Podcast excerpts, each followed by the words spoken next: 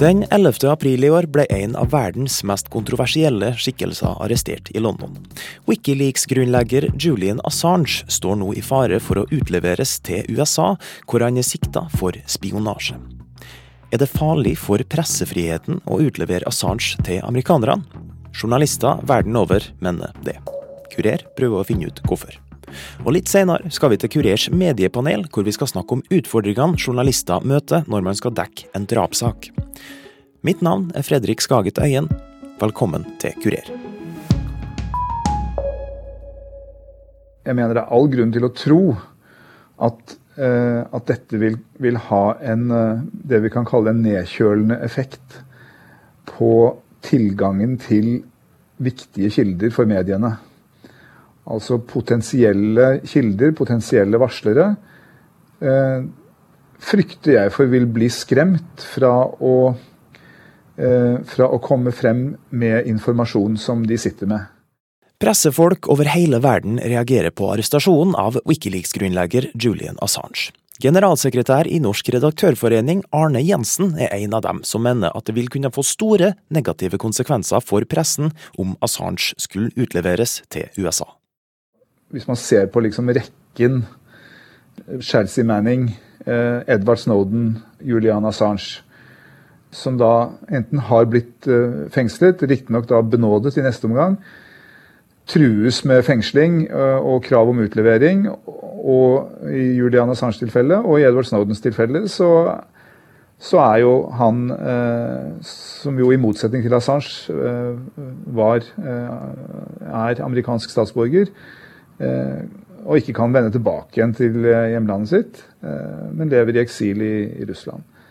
Det er jo helt åpenbart at de som nå i USA da primært sitter på viktig informasjon som de kanskje mener allmennheten burde få vite om, men hvor de risikerer en, en forfølgning av denne typen, som disse har blitt utsatt for, vil jo selvfølgelig vegre seg, tror jeg, mange, for å, å, å komme ut med informasjon. Eh, og det betyr at vi kan gå glipp av viktig informasjon.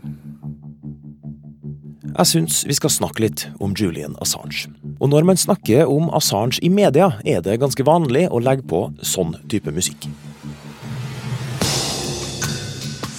Man bruker ofte sånn generisk spenningsmusikk når man skal snakke om Assange-saken i mer enn tre minutter. Det er fordi at Assange-saken har elementer i seg som kunne vært henta rett ut fra en Hollywood-thriller.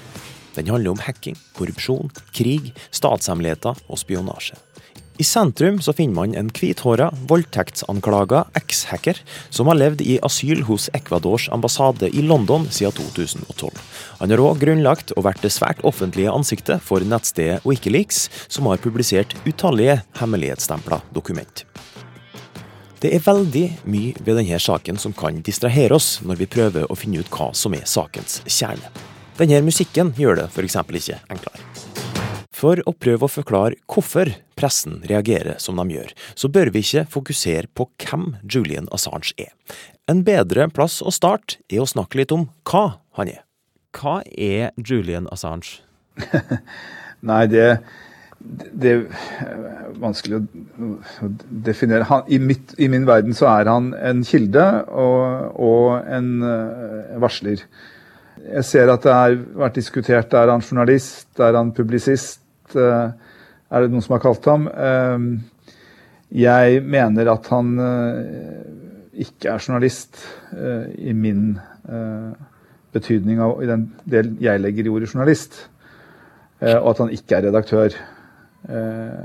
Og at han knapt er publisist, selv om det er jo et Alt dette er jo ubeskyttede titler. Men, men jeg mener at Assange er en kilde en viktig kilde eh, i forhold til et viktig saksområde og i forhold til å få eh, brakt oss kunnskap som vi kanskje ellers ikke ville fått hvis ikke han hadde, hadde bidratt til lekkasje av betydelige mengder dokumenter knyttet til krigføringen i Afghanistan og Irak Assange sjøl sier at han er journalist, som jo er en notorisk ubeskytta tittel. Han har òg blitt kalt publisist og redaktør, men Jensen sier at han ville slitt litt med å få medlemskap hos Norsk redaktørforening. jeg sliter med å se eh, hvor det journalistiske arbeidet eh, Julian Assange eh, har gjort, hvor det skulle ligge. Eh, og i et par tilfeller så mener jeg at han tvert imot har gjort ting som, som journalister ikke skal eller bør gjøre. Og som er stikk i strid med det som handler om journalistikken. Det handler jo bl.a. om eh, publiseringen av flere hundre tusen dokumenter uten noen form for siling eller bearbeiding. Eh, det såkalte Cablegate. Eh, som var en publisering som jo potensielt satte eh, kilder og informanter til eh, bl.a. det amerikanske forsvaret i livsfare. Eh, det ville jo ikke en eh, forsvarlig eh, journalistisk og redaktørstyrt redaksjon ha gjort. Og det er jo bare å jamføre og sammenligne med, med, med Edward Snowden. Og den måten hans materiale ble håndtert på, hvor han jo ikke publiserte dette selv, men tok kontakt med en seriøs nyhetsorganisasjon, i første omgang altså The Guardian, som igjen brukte store ressurser på å gå gjennom og bearbeide og sile og behandle journalistisk det råmaterialet som de fikk tilgang til. Eh, og det er jo forskjellen på det å være eh, en eh, På det å, lekke informasjon rått og uhemmet, og det å ta imot informasjon og behandle det journalistisk med de standardene som, det, som bør gjelde for det, både etisk og juridisk. Hele Wikileaks sitt konsept gikk jo ut på å publisere dokumenter eh, uten egentlig å ha bearbeidet dem. Det var jo Wikileaks eh, grunnidé. Uh, og det mener jeg ikke er journalistikk. Journalistikk er en metode for innsamling, analyse, bearbeiding og presentasjon av informasjon.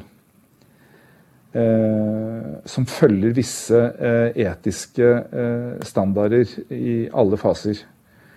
Det innebærer bl.a. at det er problematisk dersom det er riktig at, at Assange, som han jo er tiltalt for, har medvirket til datainnbrudd. At Assange sin rolle er vanskelig å definere, gjør på en måte denne saken enda mer komplisert. Men spørsmålet om Assange er journalist eller ikke, er kanskje ikke så viktig, det heller. Det er mulig det kan være viktig for han i en eventuell eh, rettssak i USA. Men det mener jeg også skygger over det som er eh, hovedpoenget. Eh, nemlig at en utlevering av eh, Julian Assange til USA, på det grunnlaget som vi nå ser, vil medføre at man straffer en varsler, eh, en kilde, som har bidratt til eh, helt avgjørende informasjon om et stort og viktig tema med verdensomspennende interesse. Og for det skal han da eh, eventuelt straffes, og det mener jeg er galt. Men har han ikke brutt loven? Det er jo det en rettsprosess vil vise, da. Rune Ottosen er nestleder i Norske Penn. Men du kan si at alle varslere eh, har et dilemma på et eller annet tidspunkt om de skal holde seg til regelverk, lover, eh, eller velger å bryte dette fordi de mener at den sannheten som forsøks holde skjult, er mer vesentlig og ofte består også av store lovbrudd og krigsforbrytelser, som i denne sammenhengen er viktigere enn et eventuelt regelbrudd eller lovbrudd rundt selve publiseringen. Det er mulig du sitter og spør deg nå, mener virkelig pressefolk verden over at Assange ikke skal straffes? At den er heva over loven? Vel, ikke nødvendigvis. Ottosen peker f.eks. på at noe av det handler om proporsjonene i straffa. Det er svært vesentlig her at hvis man ser proporsjonene i disse straffene, f.eks. Chelsea Manning, som da fikk 35 års i fengsel, for å ha fortalt en ubehagelig sannhet. Julian Assange, hvis alle de 17 tiltalepunktene eh, han skulle bli funnet skyldig, så snakker vi om 175 års fengsel. Selve disse proporsjonene rundt disse enorme dam, eh, straffene viser jo at her er det makten på mange måter som slår tilbake og skal hindre andre i å fristes til å avdekke ubehagelige sannheter fordi konsekvensene er så enorme.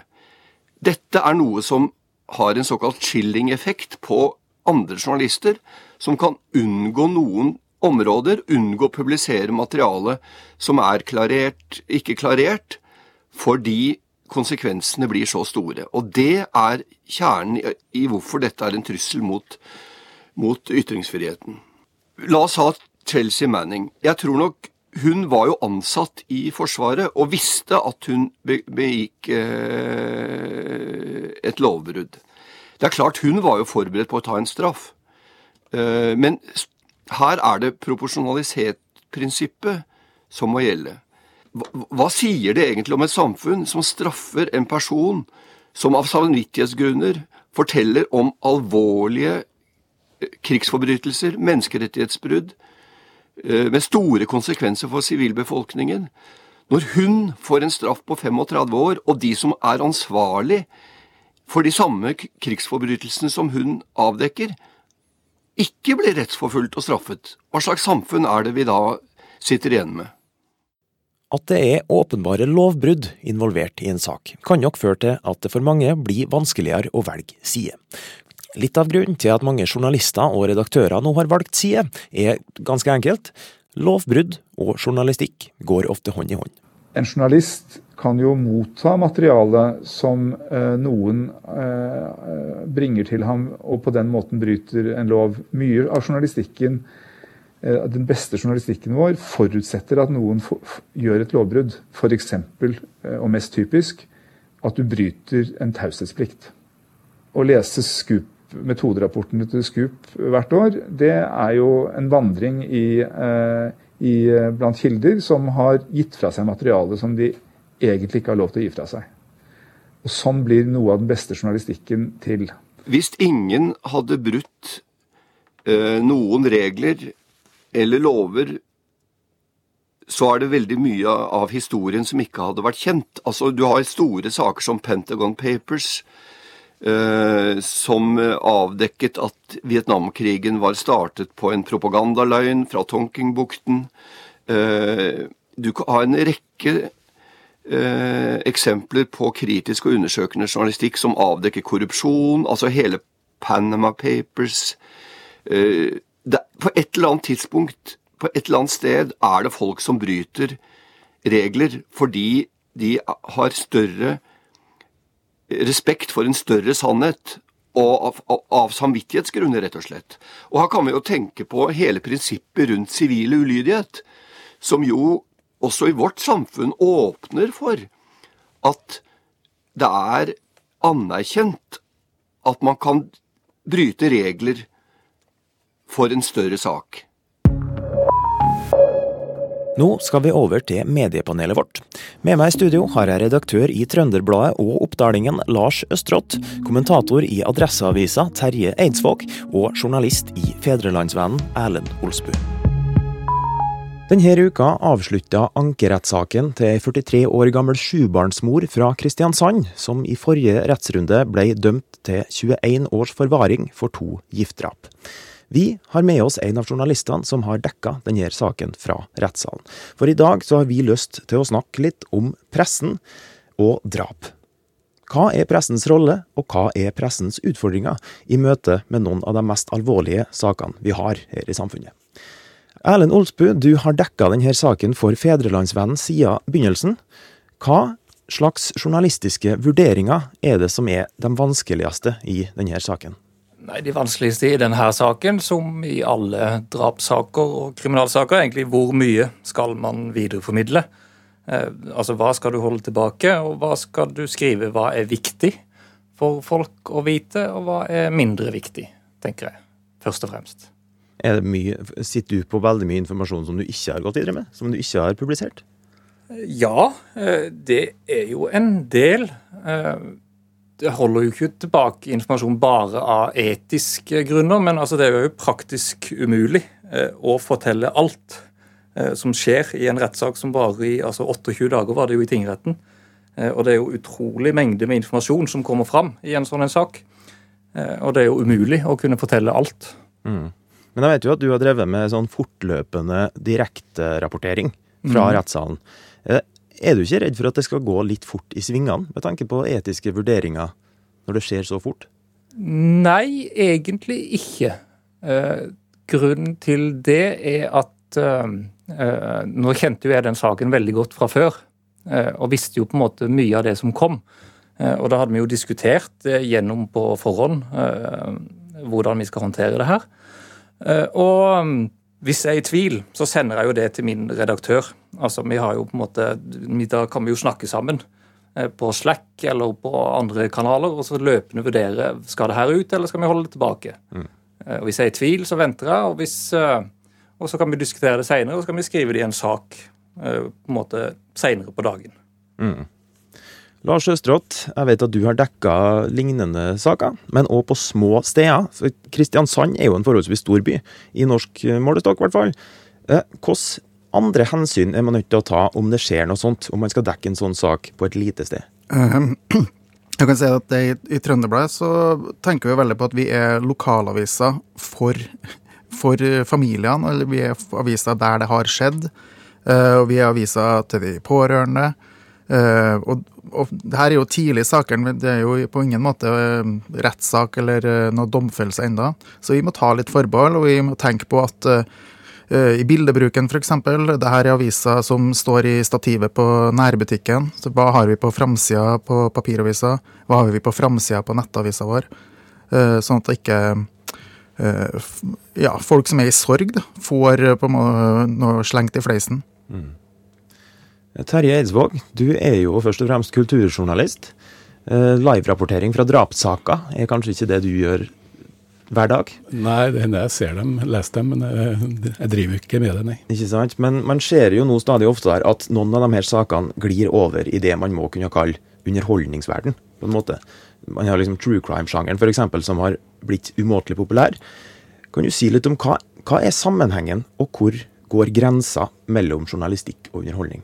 Eh, ja, det var vel Aksel Sandemo som i sin tid sa at mord og kjærlighet er det eneste som det er verdt å skrive om. Eh, så det her er jo ikke noe, det er, det er ikke noe nytt. Eh, og den, etter gjennombruddet både, på både podkast og dokumentarserier, så ser vi jo en voldsom oppblomstring av true crime. Nå drev nok norske medier også kanskje med vel så detaljert skildring av drapssaker for ja, nærmere 100 år siden som de gjør i dag. Men det man ser nå, er jo at man bruker dramaturgi fantasien og grepene fra fiksjon, og særlig film, eh, mye mer aktivt. Eh, og det er lett å se at eh, det her av og til tipper over i spekulasjon.